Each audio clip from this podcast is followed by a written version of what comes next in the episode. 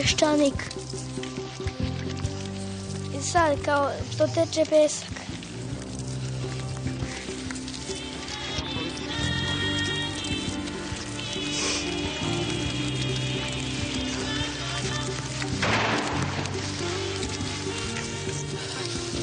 On je čovjek dosadan. So sorry. On je čovjek dosadan čovjek. On je uvijek bio dosadan. Peščanik.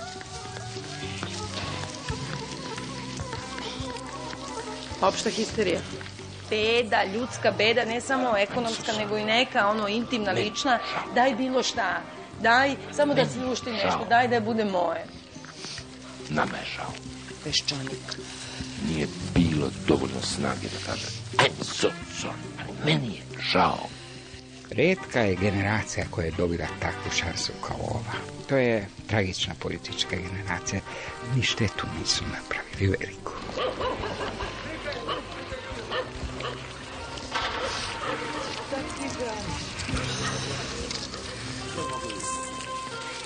Peščanik.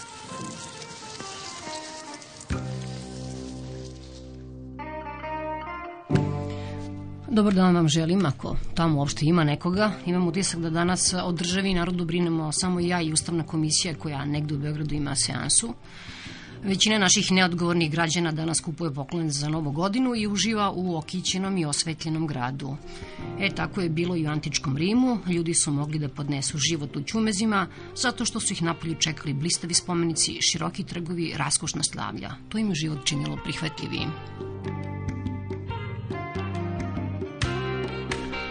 Uređena država i za sirotinju ima rešenje. Jedna kanadska televizijska stanica je četiri sata neprekidno prikazivala jedan kadar, to je kamin koji gori I to sve da bi siromašniji kanadjani koji nemaju kamin mogli ispred televizora da otvore božićne poklone. Inače, kaseta Kamin prodata je u 100.000 primeraka.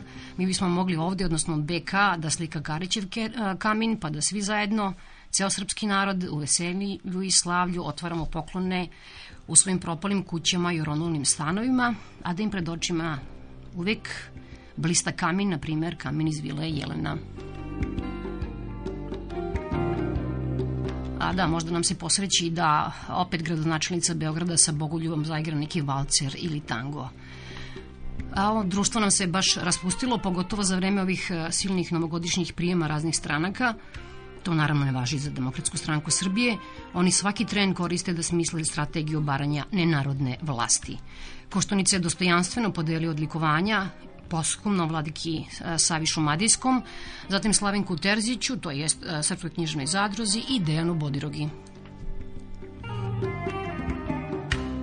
A onda je Koštunica otišao da malo predsedava Vrhovnim savjetom odbrane, posle kojeg nam je stiglo saopštenje koje zvuči kao i sva u poslednjih pola veka. U ostalom, šta se nas glupih civila tiče, šta se dešava u vojsci. A premijer, premijer je čudo. On i dalje ruši zakone fizike jednog časa uspeva da bude na dva mesta, a bit će uskoro i na trećem u Rio de Janeiro, gde će prisustvati inauguraciji brazilskog predsednika i dočekati novu godinu. Međutim, neće nam nedostajati. Za novu godinu snimio je novogodišnji kviz na BK televiziji. Želite li da postanete milioner? Takmičari u kvizu su sa premijerom još i Piksi, Bajaga, Milanka Karić i naravno Radmila Hrostanović. Premijer nam je postao malo bezobrazan.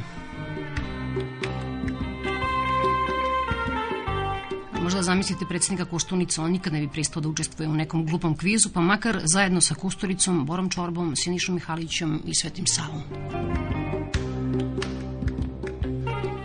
Fino se za novogodišnje praznike, odnosno ove konferencije za novinare, a pogotovo na novogodišnjem koktelu pokazao ministar policije Mihajlović. On je rekao na konferenciji za novinara da je premijer u pravu kada kaže da je u Srbiji lakše biti kriminalac nego policajac. Ministar kaže da je to i zato što su do skoro policajci doživljavani kao loši momci, a kriminalci kao heroji koji su opet vozili najbolje kola i kako kaže šetali najbolje ribe u gradu. Možda jesu kriminalci šetali najbolje ribe u gradu, ali ni ministar policije nije mači kašalj. Potrudio se da goste, a i njega, boga mi, na koktelu u Novoj demokratiji razgale četiri golišave plesačice, tamnije puti, valjda kubanke ili brazilke, bile su tangi, u tanga gaćicama.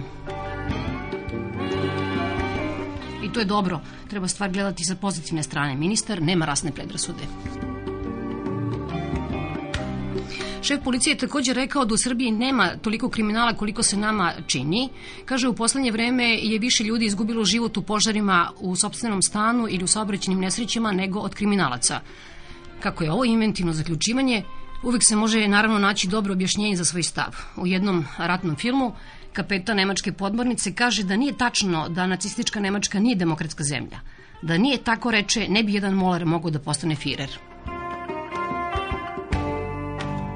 Dobro, kapetan je bio pijan, verovatno.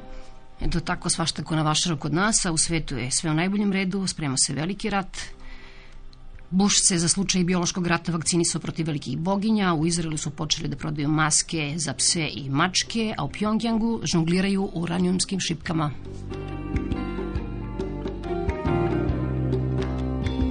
Dobar dan, dobar dan, ovo je Peščanik.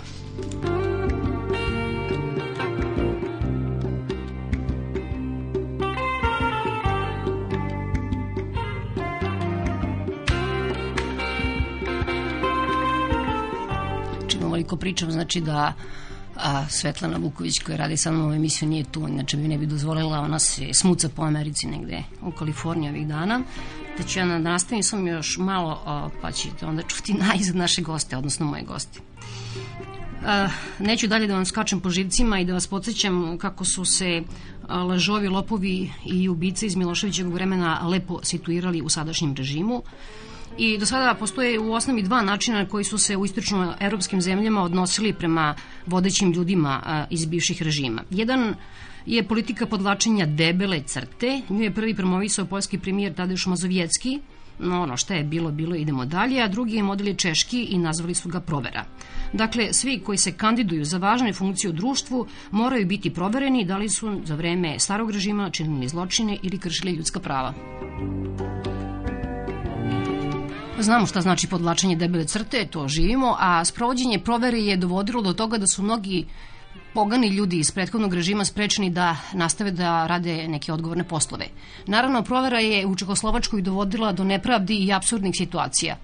Protivnici ilustracije često su navodili primer spora između vice premijera Čarnogurskog i premijera Mazovjetskog. Oni su jedan drugoga optuživali da su sarađivali sa službom državne bezbednosti i ko je mogao biti arbitar u tom sporu, govorili su protivnici ilustracije, pukovnici DBA.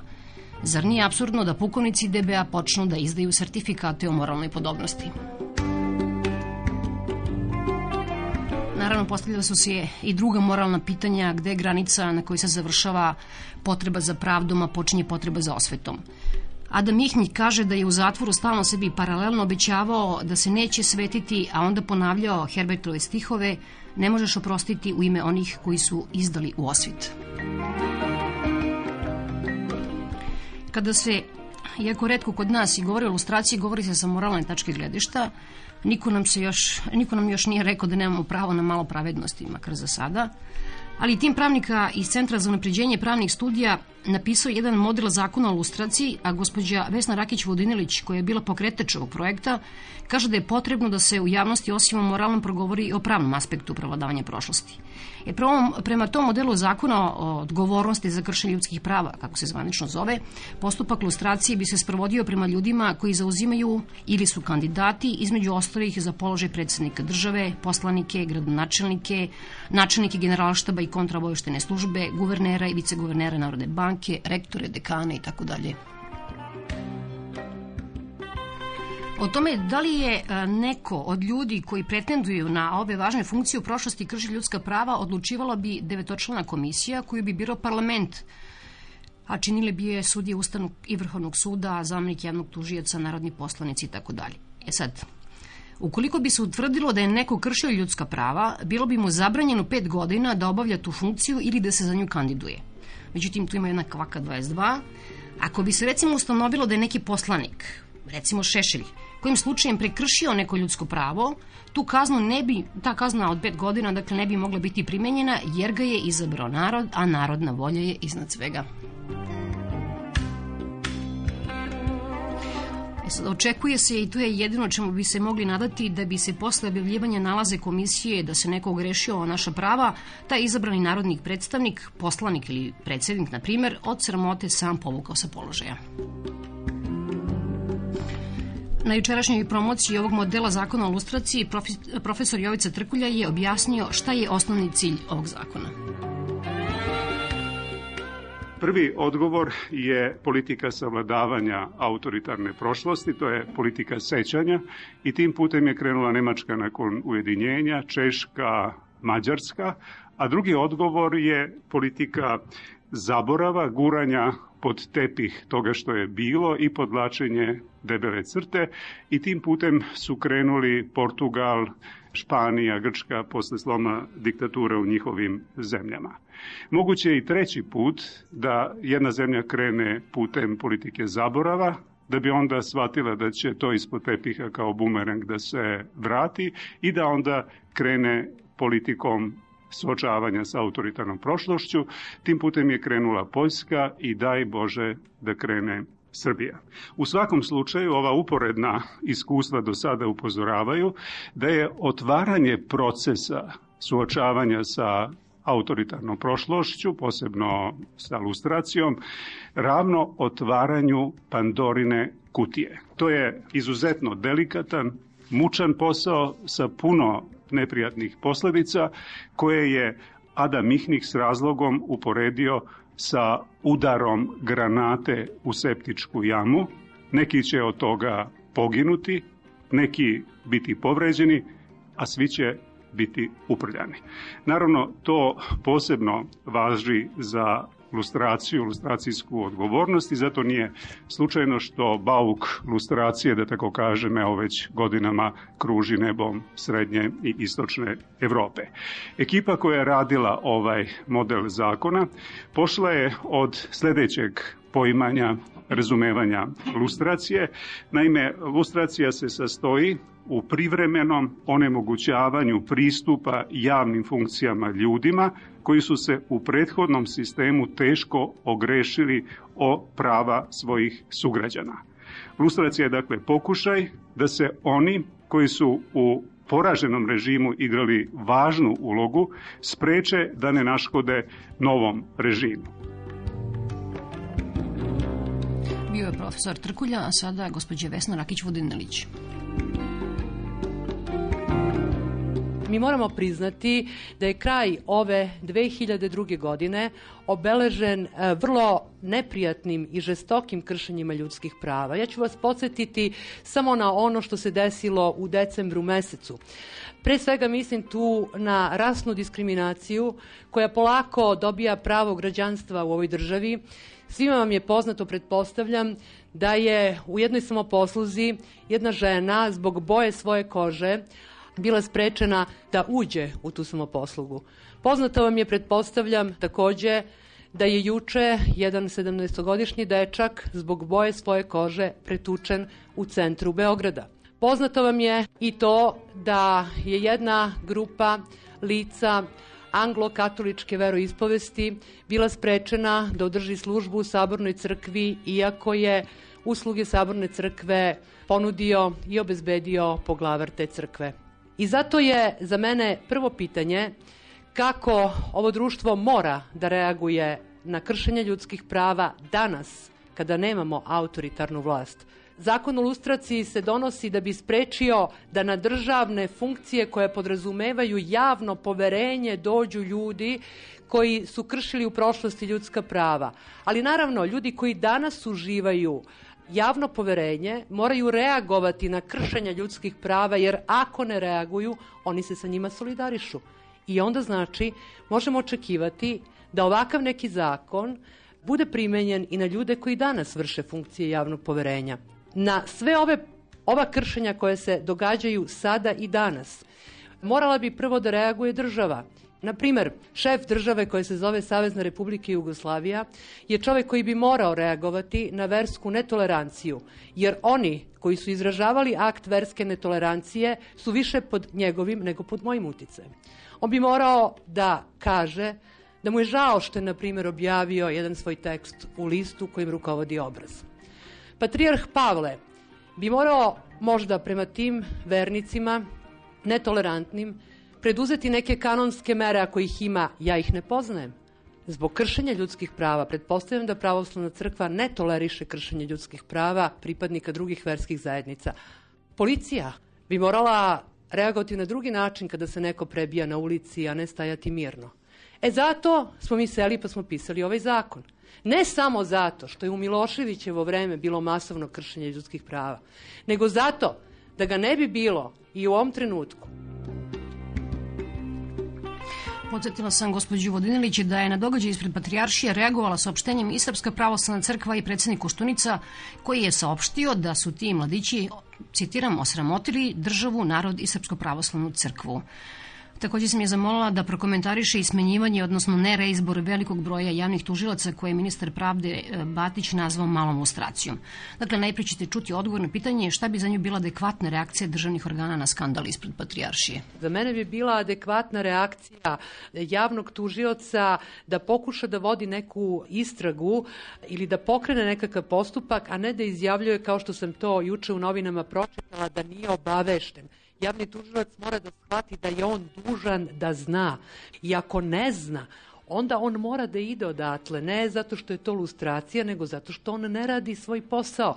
A, nadalje bi za mene bila adekvatna recimo reakcija nekakvog e, na ono što se desilo u toj samoposluzi nekakvog lokalnog e, državnog organa, gradonačelnika, predsednika opštine, ej građani, nemojte da idete tamo zato što nećete ići da kupite jaja, nego ćete misliti da li će vas neko oterati ili ne. Pa hajde malo da vidimo kako će reagovati vlasnik vera na radnje svoga obezbeđenja hajde malo da probamo sa tako nečem, znate, a ne samo sa verbalnim, abstraktnim osudama. Ja ne znam, ponavljam, da li postoji u kanonu Srpske pravoslavne crkve nekakvo kažnjavanje za povredu ljudskih prava, ali znam da postoji neka epitimija, znam da postoje neke mere koje se mogu primeniti prema članovima crkvene zajednice ako se ponašaju suprotno onome što je kanon. To što ćemo mi napisati saopštenje više ovde u proliferaciji neverovatnih saopštenja ne znači mnogo. I meni se čini da se time mnogo više pere sobstvena savest nego što se stva, pokušava uticati na uzroke te pojave. A što se tiče e, vašeg prvog pitanja, ja moram da kažem i ja sam to nekoliko puta već napisala da mere takozvanog čišćenja e, sudstva ili sudija za prekršaj ili evo sada javnih tužilaca koje preduzima i najavljuje ministar pravde gospodin Batić nisu lustracija. Lustracija niti je odmazda za pripadnost određenoj političkoj grupi, niti je odmazda za izražavanje određenog političkog mišljenja. Ako se u to pretvori, to je onda potpuno pogrešna mera. Lustracija je preventivna mera kojom treba sprečiti da neko ko je kršio ljudska prava vrši funkciju javnog poverenja. E sada, za sve one javne, tako da kažem, funkcionere koji se biraju na vreme sa ograničenim mandatom, a to su u pravosuđu javni tužioci i njihovi zamenici. Dakle, može se to ograničenje trajanja mandata pod navodnicama iskoristiti za njihovu zamenu, ali ne zato što oni politički ne odgovaraju novoj vlasti, nego zato što bi se recimo ocenilo da postoje razlozi za njihovo razrešenje, da su nesavesno i nezakonito vršili svoj posao. Tako da ministar Batić, ako zaista hoće da unapredi javno-tužilačku funkciju, prvo treba da sačeka zakon o lustraciji, a onda da krene, ne da zamenjuje tužioce kojima je istekao mandat, nego da pokrene postupak razrešenja tužilaca koji se prave da žive u najsrećnijem i najsavršenijem mogućem društvu, pored kojih možete ubiti čoveka, a on ima pravo da to ne zna. E, on to mora da zna.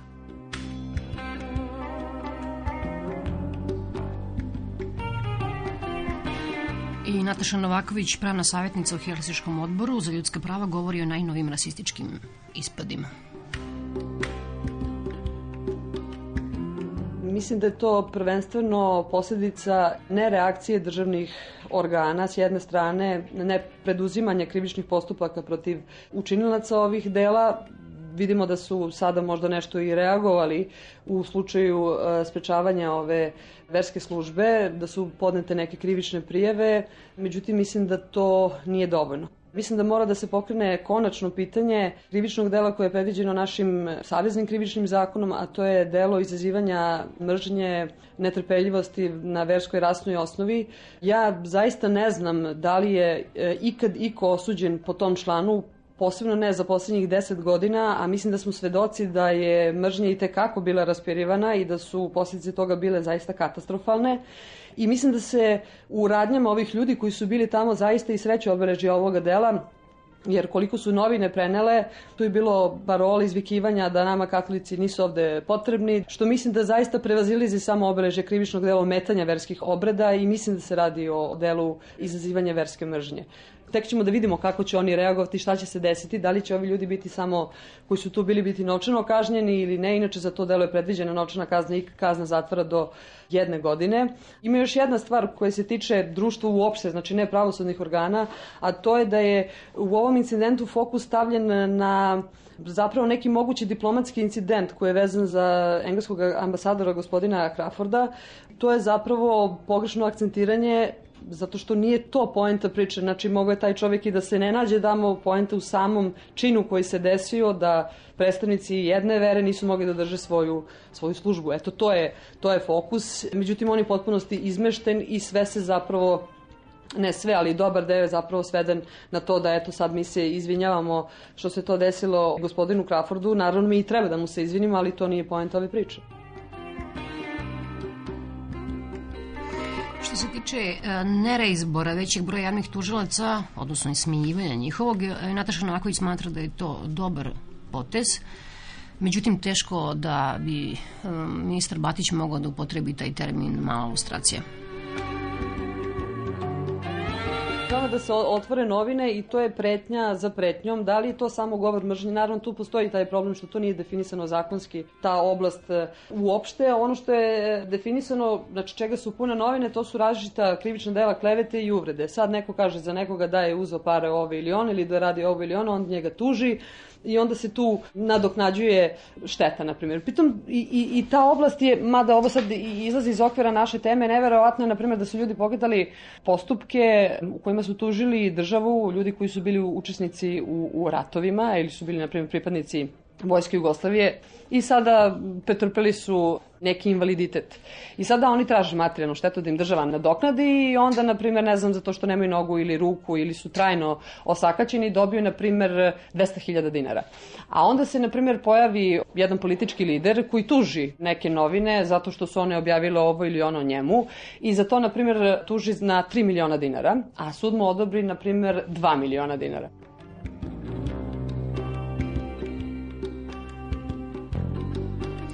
Pa izvinite, napravila sam malu grešku, odnosno malo veću grešku, ovo nije segment koji sam najavila.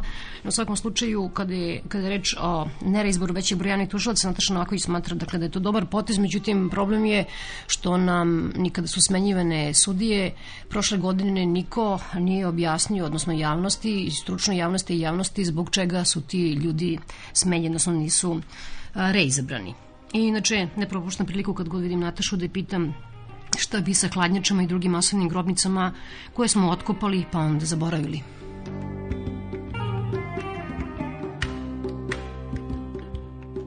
To je sad kao jedan od razloga zbog čega mi ništa ne radimo po tome, pošto i dalje ne znamo ko su ovaj, sve žrtve, što nije tačno jer već imamo, poznato je slučaj Bitići, znači zna se o, o kome se radi, znači to sigurno ne može biti opravdavajući razlog. A drugi razlog onaj koji smo već pomenuli, a to je da i dalje imamo ENN izvršioca ne možemo ništa da uradimo, odnosno oni ne mogu ništa da uradi iz tog razloga što ne znamo ko je počinio taj zločin u Kosovu. Kako se sada dešava, mi to nećemo saznati još nekoliko narednih godina, što znači da onda mi nećemo ništa raditi ni po ovom pitanju. Postoji krivično delo koje pokriva ovo, a to je neko pomaganje izvršiocu nakon učinjenog krivičnog dela, toliko i imena već spomenuto, kao što je gospodin Vlastimir Đorđević, za koga inače nije raspisana koliko ja znam Interpolova poternica, nego interna poternica. Stotine ljudi su učestvovali u tom uklanjanju tragova i gospodin Karleoša je govorio o tome, ali evo, niko se više ne bavi tim pitanjem. U tom smislu se vezujem i, i, i na jednu skorašnju emisiju koja je bila vezana, utisak nedelje, koja je bila vezana za utvrđivanje zapravo ko je počinio zločine neposredno posle drugog svetskog rata kada su ljudi optuživani onako angro za saradnju sa okupatorom i da im je bilo suđenje po kratkom postupku To naravno jeste stravična stvar i to pitanje apsolutno treba da se postavi, ali ja bih volila da se postavi i ovo pitanje šta je sa ovim sveže zakopanim. Ovo pitanje je čekalo 45 godina da bude postavljeno. Da li mi sada trebamo da čekamo još 50 godina da bi postavili pitanje ko je zakopan, u ovim masovnim grobnicama, ko je ubio te ljude i ko je odgovoran i za jedan i za drugi zločin, a dva su se zločina desila i plašim se da ovakvim ponašanjem mi sad činimo i treći zločin. Pritom ta stvar je zaista toliko odvratna, prosto kada čovek razmišlja da se oko njega u takvoj bliskoj blizini nalaze masovne grobnice, da ko zna koliko još ima neobeleženih u kojima se ne želi pričati, a, a što rekao jedan moj prijatelj, mi toliko već stvari trpamo po tepih da a, moramo da zaista budemo planinari da bi konačno prešli preko svoje dnevne sobe od toga koliki je taj tepih postao umeđu vremenu.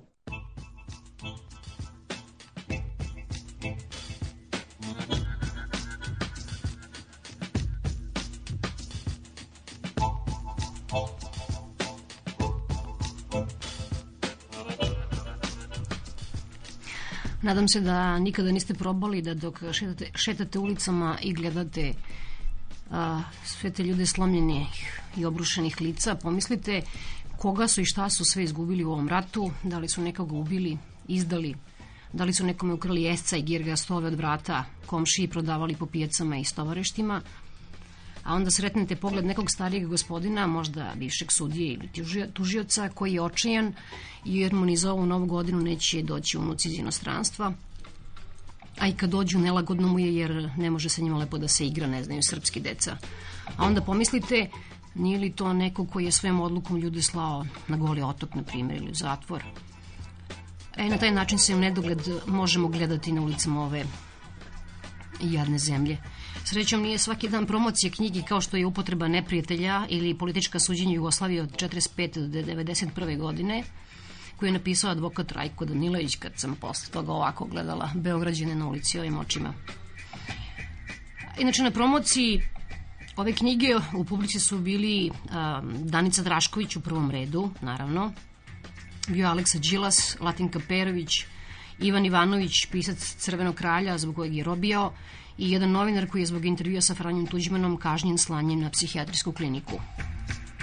Na promociji knjige Rajka Danilovića Marinko Arsić e, Ivkov je govorio o metodologiji, odnosno šemi proganjanja i organizovanju političkih suđenja. Počinjelo je tako što je neko sa vrha ili iz baze, kako se to govorilo, na nekoga bacio komunističku fatvu. Mi obično verujemo da su sudije morale da donose presude protiv ovih verbalnih delikata, ili je tako pisalo u zakonu. Međutim, iz ove knjige mi vidimo u stvari da te krivice, ni pored takvih zakona, nije bilo. Mogu da pomenem, pošto je jednog našeg književnika koji je ovdje prisutan Ivana Ivanovića, recimo, on je osuđen na dve godine zatvora za svoj, svoj roman Crveni kralj. Osnovna priča je bila što on Jugoslaviju naziva Juga. To je, to je znači bio zločin protiv države i on je osuđen na dve godine zatvora samo za to. Međutim, nije to u stvari razlog za kažnjavanje. Pravi razlog je tome i tu je sistem bio zaista pravičan. Znači, on je prepoznavao neprijatelje. Pomenuo sam Ivana Ivanovića, znači on je za ovaj sistem bio neprijatelj kao sin četničkog komadanta, čovjek koji slobodno misli, slobodno piše, ne piše onako kako to sistem propisuje. Prepoznat kao neprijatelj, on je morao biti osuđen. Samo suđenja bila su posljednja faza progona neistomišljenika. Obično je počinjalo, recimo, taj napad, počinje se napad, da li odgore sa samog vrha, recimo, kad bi sam predsednik države i marša, recimo, negde, uzgled pomenuo, recimo, da negde cvetaju neke gnjile tikve, recimo, to je bilo dovoljno da se sutra predstava, kad tikve zabrani bez reči. Često se dešavalo opet da ti napadi kreću odole, znači da i pokrene neko, ako pitam književno dela, či književna kritika obično. Evo, dozvamo primer eh, hajke na knjigu Gojka Đoga. Prvo su urednici primetili da sve pesme baš nisu u redu, šta znam da ima, ima mnogo aluzija, i onda su angažovali sve drugi društveni, takozvani društveni subjekti. Prvo štampa, pa onda mesne zajednice, e, vojne kasare, znači kompletno društvo se dizalo protiv neistomišljenika. I tek na kraju, znači kad se ta hajka istudnji, onda se pristupalo ono poslednjoj, poslednjoj fazi odmazde, a to je bio suđenje, podizavne optužnice i suđenje. To je primarna je bila ona prvostepena kazna, znači okružni sud, tada je sva javnost angažovana, sve novine pišu o tome, kazna je visoka, drastična, a posle toga na više instancije, obično više instanca malo tu kaznu smanji, nekad ne i oslobađajuću presudu, to više nije važno. Znači, krivac je obeležen, kažen i isteran iz društva. Obično to Ako je negde u zatvoru, u pitanju gubitak posla, ako je književnik ili naučnih zabrana, objavljivanje, učešće u javnom životu i tako dalje, a te su kazne bile u stvari drastičnije nego same zatvorske kazne. Gospodin Mihajlov je tu, ja sam zapazio čak i da, da je, recimo, kad je bila ona hajka na njega, da je mesna, jedna mesna zajednica u Zadu, recimo, napisala negde jedno pismo ili dala izjavu da ona više neće da trpi u svojoj sredini jednog takvog čoveka, jednog neprijatelja. Potpisu je stalo mesna zajednica dva Zadara. Gospodin Danilo se zalaže za rehabilitaciju osuđenih, za pozivanje na odgovornost onih koji su krivi. E to je ono sada što danas kod naših vlasti i vladajućih stranaka nije popularno. Mislim da i današnje ovaj establishment političkom ne odgovara jedna ovakva knjiga, bez obzira što više progona nema, ali ono što je suština i osnovna poruka ove knjige, mislim, to je neophodnost rehabilitacije, pozivanja na odgovornost onih koji su odgovorni, ako su krivično odgovorni na krivičnu odgovornost, ako nisu krivično odgovorni, znači da se uvede i priveni zakon o lustraciji. Ovoj knjizi, koja je svojevrsna enciklopedija političkih suđenja Jugoslavije, navedeni su mnogi slučajevi, a interesantno je da su tu neprijatelji komunizma svih boja, kojima je suđeno često i za najneverovatnije stvari. Pisac ove knjige, advokat Rajko Danilović, je branio između ostalih i Martina Špegelja, Dobroslava Paragu, Šeksa, onda manje poznate Srbe, Hrvati, muslimani iz Bosne, četvoricu ljudi sa kojima je suđeno zajedno sa Alijom Izetbegovićem i Azema Vlasija.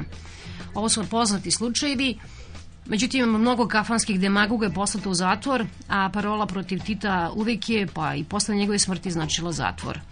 Rajko Danilović je branio neki od tih ljudi. Nisu rekli ko vređa Josipa Broza i tako dalje, verbalno, ono, bit će kažnjen do tri godine. To je bila kazna do tri godine. Ne, oni su rekli, ko vređa simbole Jugoslavije, predsednika Republike, zastavu, grb, etc. Dobro. 95% je predsednik ili 99% Republike, ovo grb ponekad i tako dalje, ko se seća grba, grb nikad nije bio važan u ovom narodu. I umre Broz, eto, i to se dogodilo neizbežno. Sada neko kaže neku neprijatnu stvar o Brosu. Bros mrtav. Ovi ga optužuju za član 157. Dok je bio predsjednik Republike, ajde, mogo je po toj zakonskoj odrednici, po toj formulaciji da bude zaštićen. Ali sada više ne može da bude zaštićen, jer nema te, nema formulacije da je Broz zaštićen, njegov lik, da onda su se sudije poltrone, tu treba početi sa ilustracijom dokazivati, praviti intelektualne i verbalne egzibicije, da dokažu da je Broz ipak zaštićen. Te simbol revolucije, te simbol našeg socijalističkog rada. To je sramotno, mislim, ali to je funkcionisalo. Ljudi su išli u zatvor? Kako da ne? Posle s njegove smrti? Pa evo recimo jedan moj klijent, Milivoje Gojak, je bio čovek, kolonist u Mramorku, to je bilo nekad nemačko selo, blizu Pančeva. I umre Bros i tamo neki pametnjakovići kolonisti, oni od nemačkog groblja, koje je tako stajalo kako je groblje, nije ga niko dirao, zasade 88 nekih sadnica i stave tamo Titov gaj. To je toliko morbidno, prvo Bros koji je ubio toliko Nemaca. Ne u ratu i ne boreći se protiv Nemaca, nego kad je rat završen protiv nemačke manjine u Jugoslaviji stave to i ovaj iznerviran čovjek uzme jedan džak plastični i na njemu napiše diktator, lažov, lopov. I ja ga nisam branio u prvom stepenu, osude ga tri godine. Neke vaše kolege dovedu mi kada mu pišem žalbu, evo napišem žalbu, ode tad su još pokrajinski vrhovni sudovi bili i podvali mi jedan. Inače, izvanredan sudija podvali mi i da devet meseci, jer ja sad nisam mogao da idem na savezni sud da dokazujem da ne može biti brod zaštićeni objekt. Mislim, toliko ima te zluradosti i nekorektnosti među sudijama.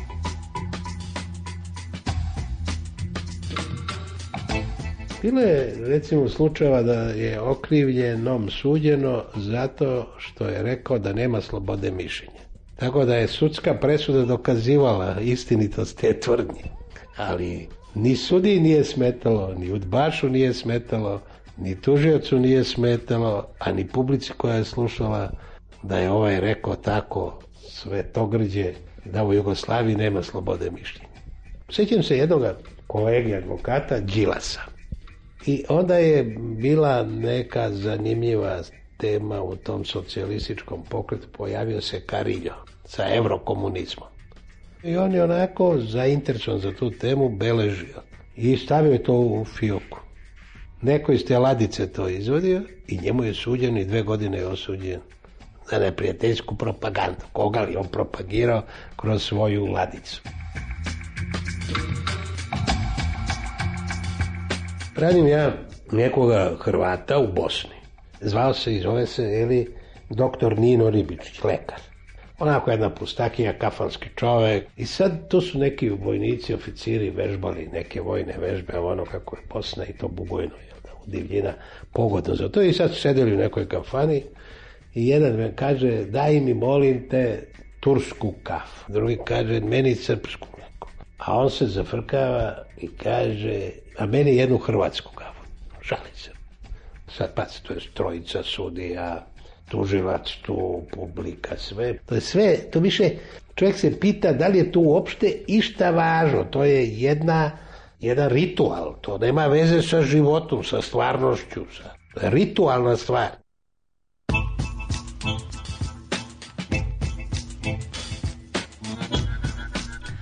Na promociji ove knjige govorio je Mihajlo Mihajlov koji je sam godine proveo u zatvoru, a da vas podsjetim samo da je suđen mnogim intelektualcima i to 80. godina, a, naravno pre toga Milovan Đilas je najpoznatiji, pa onda je 81. godine je suđeno Gojku Đogu, sećate se za unena vremena, pa onda je tu bio profesor Mihajlo Đurić, pa Zoran Gluščević, pa Lazar Stojanović za film Plastični Isus, a Mihajlo Mihajlov je e, najviše proganjen liberal u Jugoslaviji posle Milovana Đilasa naravno, a, i Mihajlo je jedini državljanin Jugoslavije kome je zbog političke delatnosti oduzeto državljanstvo i to se čak nije radilo u Sovjetskom savezu. Sudilo mu se i robio je zbog članaka koje je objavljivo u zemlji inostranstvu. Interesantno je da je robio sa Ademom Demačijem, čovekom koji je 29 godina prvo u zatvorima, Interesantno je da je sam Demaći rekao da je u početku, uh, pošto je uhapšen prvi put sa 21 godinom, bio u uverenju marksista-lenjinista, u stvari neka vrsta sledbenika Enver Hođine Albanske partije rada, ali da ga je na njegovu, ali da je na promenu njegovih političkih stavova upravo uticao Mihajlo Mihajlov dok su bili u zatvoru. Inače, Mihajlo Mihajlov je amnestiran 77. godine, onda je otišao u Ameriku i vratio se kad nam se promenila vlast.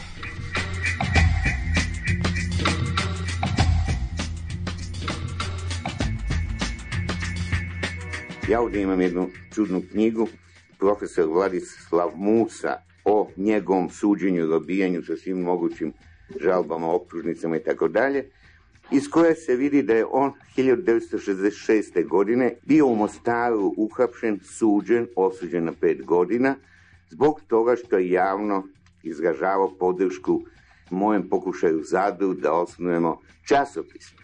O tome niti ja, niti bilo ko nije uopšte znao, a on je odsedio pet godina. Knjigu sam od njega dobio tek kad sam došao 78. godine na zapad. To razlika recimo između Stalinovog i Hitlerovog eh, tog sistema borbe sa neprijateljima. Tu je uzgled rečeno Stalin se pokazao na mnogo darovitim, genijalnim zlom. Jer gestapo je recimo nije ništa bio naravno humaniji od NKVD-a, međutim Gestapo se borio sa pravim neprijateljima Rajha ili sa jevrejima po etničkoj liniji, međutim nikad nije uništavao svoje naciste. Stalin je uništavao svoje. Svi šefovi politička policija, Jagoda, Ježov i tako dalje, sve to sve dobeli, jedna zval za drugim su uništavane, oni koji su čistili. Ma more njih je u velikim čistkama bilo streljano, vikali živio Stalin. Čak je recimo drugi čovjek u SSR-u, Vjačeslav Molotov, Stalin je njegovu ženu poslao u logor. Tri godine je bila u logoru, Molotov nije smeo da pisne, a svaki dan je dolazi u kancelariju kod Staljina i tako dalje. Na prvi pogled to izgleda iracionalno, da ti svoje ubiješ. Međutim, to je upravo genijalnost bila Lenjina. Iracionalni teror totalno, čisti Staljini sutra ode zaglavi, ubiju ga i tako dalje. I time on u stvari u stanju takvu jednu čeličnu strukturu sistema učvrstio, da niko nije mogao bukvalno do njegove smrti ništa da se uradi, baš zato što je strah ulio u sve pore društvene. Nema, nije bilo norme. U Hitleru Nemačka je bila norma. U Staljina ne. Na zapadu je često su ljudi bili u nedoumici, pa kako je na tako ogroman sistem kao što je sovjetski, se plaši tamo nekih disidenata, recimo bile negde krajem 70. godina, buldožerska izložba u Moskvi. To je jedne nedelje trebalo da bude održana izložba modernista slikara u jednom gradskom parku i čim je bila otvorena, KGB je znači poslao buldožere pa su razrušili celu izložbu i onda naravno tu su nedoumice, pa šta, šta može jedan disident, što ga ne pustite da priča, ovde imate ogromnu policiju, vojsku, šta tako dalje. I to je harvardski profesor Richard Pajc odlično uspeo da objasni zapadnom čitavcu, naravno, upoređujući totalitarno društvo sa bankom. Ako banka ne može da isplati jednog svog klijenta, odmah se digne panika da nema novca, da je svi ulagači kod banke jurnu da traže pare, banka bankrotira. Ako totalitarni sistem dopusti samo jednom čovjeku, koliko da je slab, beznačajan i tako dalje, da govori slobodno, onda će početi svi bankrotirati sistem. Danas je, postaje neobično aktualno pitanje totalitarizma, baš zbog globalizacije, koja je neminovna, naravno globalizacija, onda je pitanje samo hoće li biti demokratska ili totalitarna. Naime, demokratski sistemi su neuporedivo ranjiviji na terorizam nego totalitarni. Nikada nikakvih velikih terorističkih akata nije bilo u totalitarnim sistema i to je jasno, zato što je to monopol jedne prestupničke grupe koja ne dopušta nikamo konkurenciju. I sad, pošto globalizacija ide ka tom da se stvara jedno društvo na svetu, sve, svi problemi su praktički više nisu lokalni nego globalni, tako da će veoma brzo istorija se ubrzava, e, postojati jedno društvo, samim tim jedna vlada, bez obzira kako se zvati i tako dalje. E sad je pitanje, hoće li biti totalitarna, tada neće biti terorizma. Jedna centralna vlada može da se bori protiv terorizma, internacionalnog terorizma, ili demokratska, što je podložna jasno teror svake vrste što možemo sad svuda da gledamo. Međutim, ovaj svetsko totalitarno društvo koje će spasiti čovečanstvo od ovog običnog terorizma, neće biti jasno realna spas, to je kao kad kažete da je smrt izlečila bolest.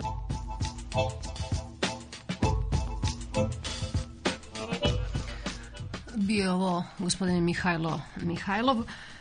A, progonu su bili izloženi advokati, doduše ređi zbog svoje branilačke delatnosti ili posla, a mnogo više zbog svojih političkih stavova. A, na primjer, advokat dr. Dragić Joksimović koji je branio Draža Mihajlovića, a posle suđenja je doživio da je njemu sude i umro je ili ubijen u zatvoru.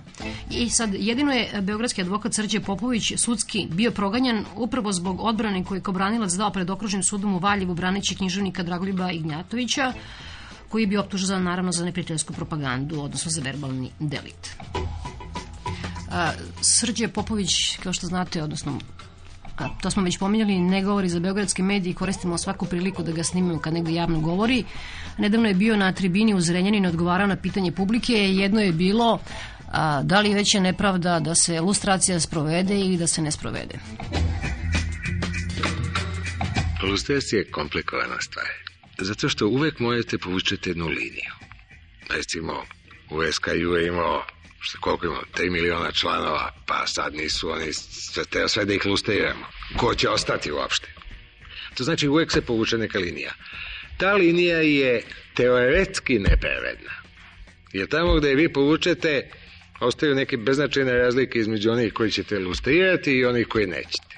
I uvek se tako i doživljava. Doživljava se ko nepravedna. I ona u suštini mora biti nepravedna. I to je problem sa lustracijom. Ovde mislim da se čak radi o nečem drugom. Ovde lustracija mislim da je nemoguća. Milošević imao plebiscitarnu podršku. To je bila opšta euforija. Koliko je svako od tih ljudi doprineo onome što se dogodilo? Verovatno malo, ali u svojoj ukupnosti to je bilo odlučujuće.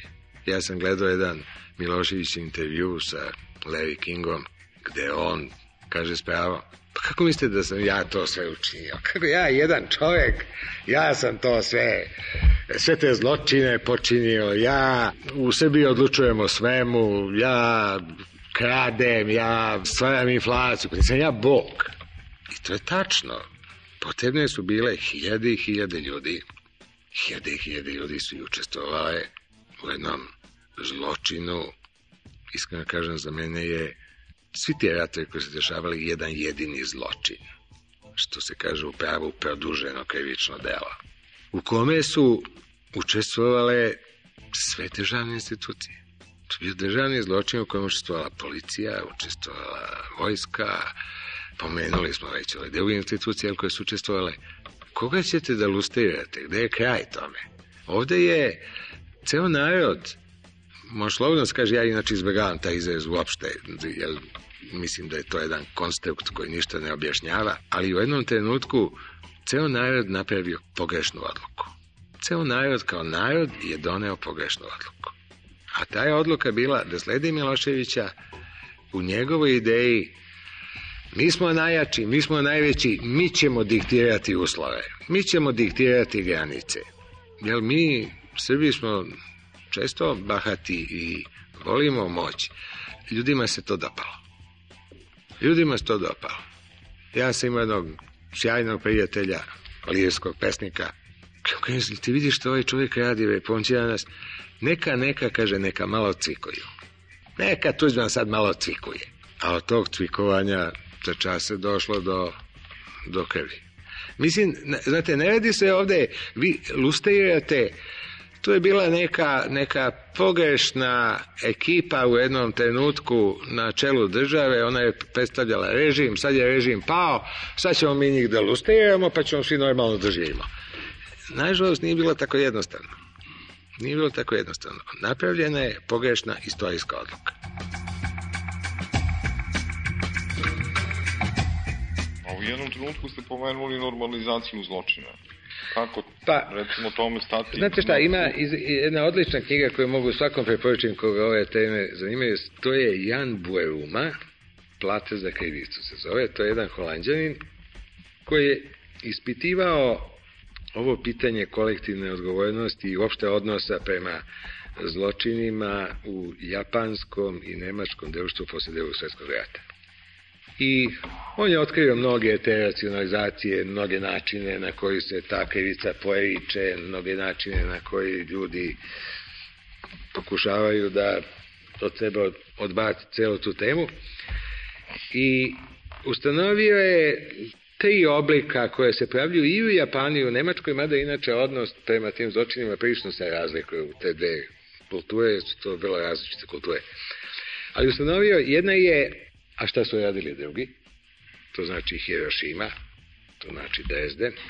Druga je istoriziranje, gde se ide unazad u istoriju koliko god treba da se objasni kako je do toga moralo da dođe. A ako je moralo da dođe, onda niko za to nije kriv, nego je istorija za to kriva, a istorija naravno ne može sesti na optuženičku klupu, prema tome da zaboravimo sve to. I treće je nešto što je Habermas nazvao normalizovanje zločina, a to je cela ova priča Pa u ratovima je toga uvek, gde je ratova tu je zločina, pa to se dešavalo i tim drugim narodima koji nas sad kritikuju, pa šta su radili Amerikanci indijancima, pa šta su radili u Vijetnamu, pa taj jedan pokušaj da se zločin i čak i ovakih razmera predstavi kao nešto što među ljudima prosto za očekivati, nema ničeg u tom tako čudnog i ne treba oko toga mnogo da se uznemiravamo. Vrlo je poučno nekako, kad čovjek prečita tu knjigu, da shvati da ono kao što mi prolazimo i što mi doživamo ovde sa kod neke drame i oko čega se ovoliko svađamo u vremenu, ovako strasno i bučno, da je to nešto kao što se uopšte može očekivati. To uvek tako bude. Ti argumenti se uvek iznose. I uvek se zna da to nije dovoljno i da jednog trenutka to, ta stvar mora se raščisti i došlo je do toga i u Nemačkoj, došlo je do toga u Japanu, došlo je do toga i kod nas. I to se obično desi u jednoj generaciji koja nije neposredno učestvovala. To se obično javlja kao ono pitanje a šta si ti tata radio u ratu i to je ta generacija na kojoj se to slomi. I tu se napravi neki prelom u društvu. Od tada više ništa nije isto. Verovatno kao i Rajko Danilović koji je rekao da a, nikada u svom životu nije branio svoje političke istomišljenike, branio ljude s kojima se politički ne slaže, ali branio pravo, njihovo pravo da govori da zbog toga ne budu kažnjeni i to se verovatno odnosi na Sređu Popovića. On je branio takođe mnogo političkih osuđenika, odnosno osuđenika za verbalni delikt, najpozna, odnosno, da, ovo baš i nije adekvatno što sam htjela da kažem, njegov najpoznatiji a, a, bra, štićenik, tako da kažem, je bio Andrija Artuković. Da, to nije baš politički delikt.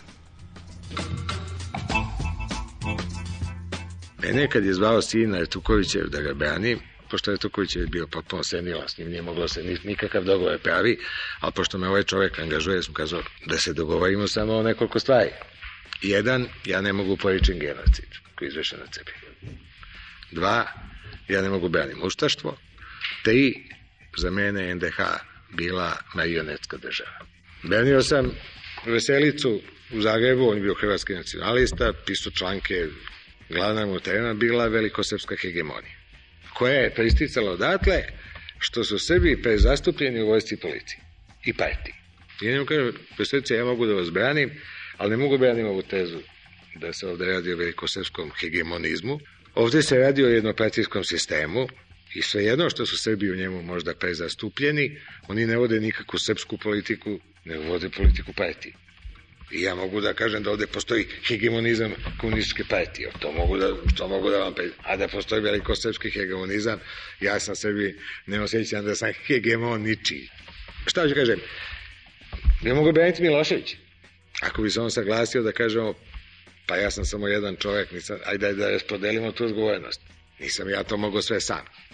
On je okej. Okay. A dobro, kako vam izgleda Miloševićeva odbrana u Hagu? Pa to je politički marketing koji je usmeren prema domaćoj javnosti. Ono što on govori u sudu je uglavnom za njegovu odbranu u stvari irrelevantno. Ta njegova priča je nedokazana, možda i nedokaziva. To naravno opet na sud nema nikakvog uticaja imalo bi uticaj ako on u dokaznom postupku bude uspeo da dokaže neke od tih tvrdnji. S tim što neke od tih tvrdnji su relevantne, a to su sve one koje se tiču zločina koji su učinjeni prema sebima. Jer zločini se uzajemno ne poništavaju. Vi ne možete nikad na sudu se branite da ste vozili prebrzo zato što svi voze prebrzo. Šta me stiče, ti, ti sad sediš tu, tebe pitam. Jel? to nema nikakvog utjecaja. A posebno njegovo držanje na sudu, mislim da bi za svakog profesionalca bilo neumesno, jer se on drži tačno kao čovek koji bi u stanju da učini sve što mu se stavlja na teret. Agresivan, bahat, neosetljiv, lažljiv, grub, nasilan. To možda kod ovog suda i nije značajno, ali na sudu, recimo, gde sudi porota, on bi bio gotov Sa takim držanjem bi bio gotov, jer bi ti ljudi kazali, mogu da zamislim kako izgledao kad je bio predsjednik države. Šta li onda radio? Prema tome njegov cilj nije odbrana, njegov je cilj da mitinguje. A mnogo mu je lakše da mitinguje kad nema advokata. I jedina stvar koju mu ja priznajem da je vispreno se dosetio, to je da će on mitingovati, ali da on ne priznaje sud, prema tome njemu niko ne može postaviti pitanje. Tako da on ne može bude saslušan. Pa ne može da mu se kaže, pa sad ste kazali ovo malo, pa ste kazali, pa jel vidite da je to protivečno? To ne može niko njemu da kaže. Jer on na pitanja ne odgovara. Mene čudi da mu sud to dozvolio i tu ja imam jednu primjedbu na sud. Sud se poneo politički. Sud se uplašio da ako mu ne dozvoli sve, sve, da će izgledati kao da mu onemogućavaju odbranu i da će to da bude sad priča, pa evo uzimaju mu reč, pa ne daju mu da kaže. A to nije posao suda. Sud nije trebao se baviti time kako će izgledati. Sud je trebao primjeni pravila. Nećeš da se braniš, fino, sedit ću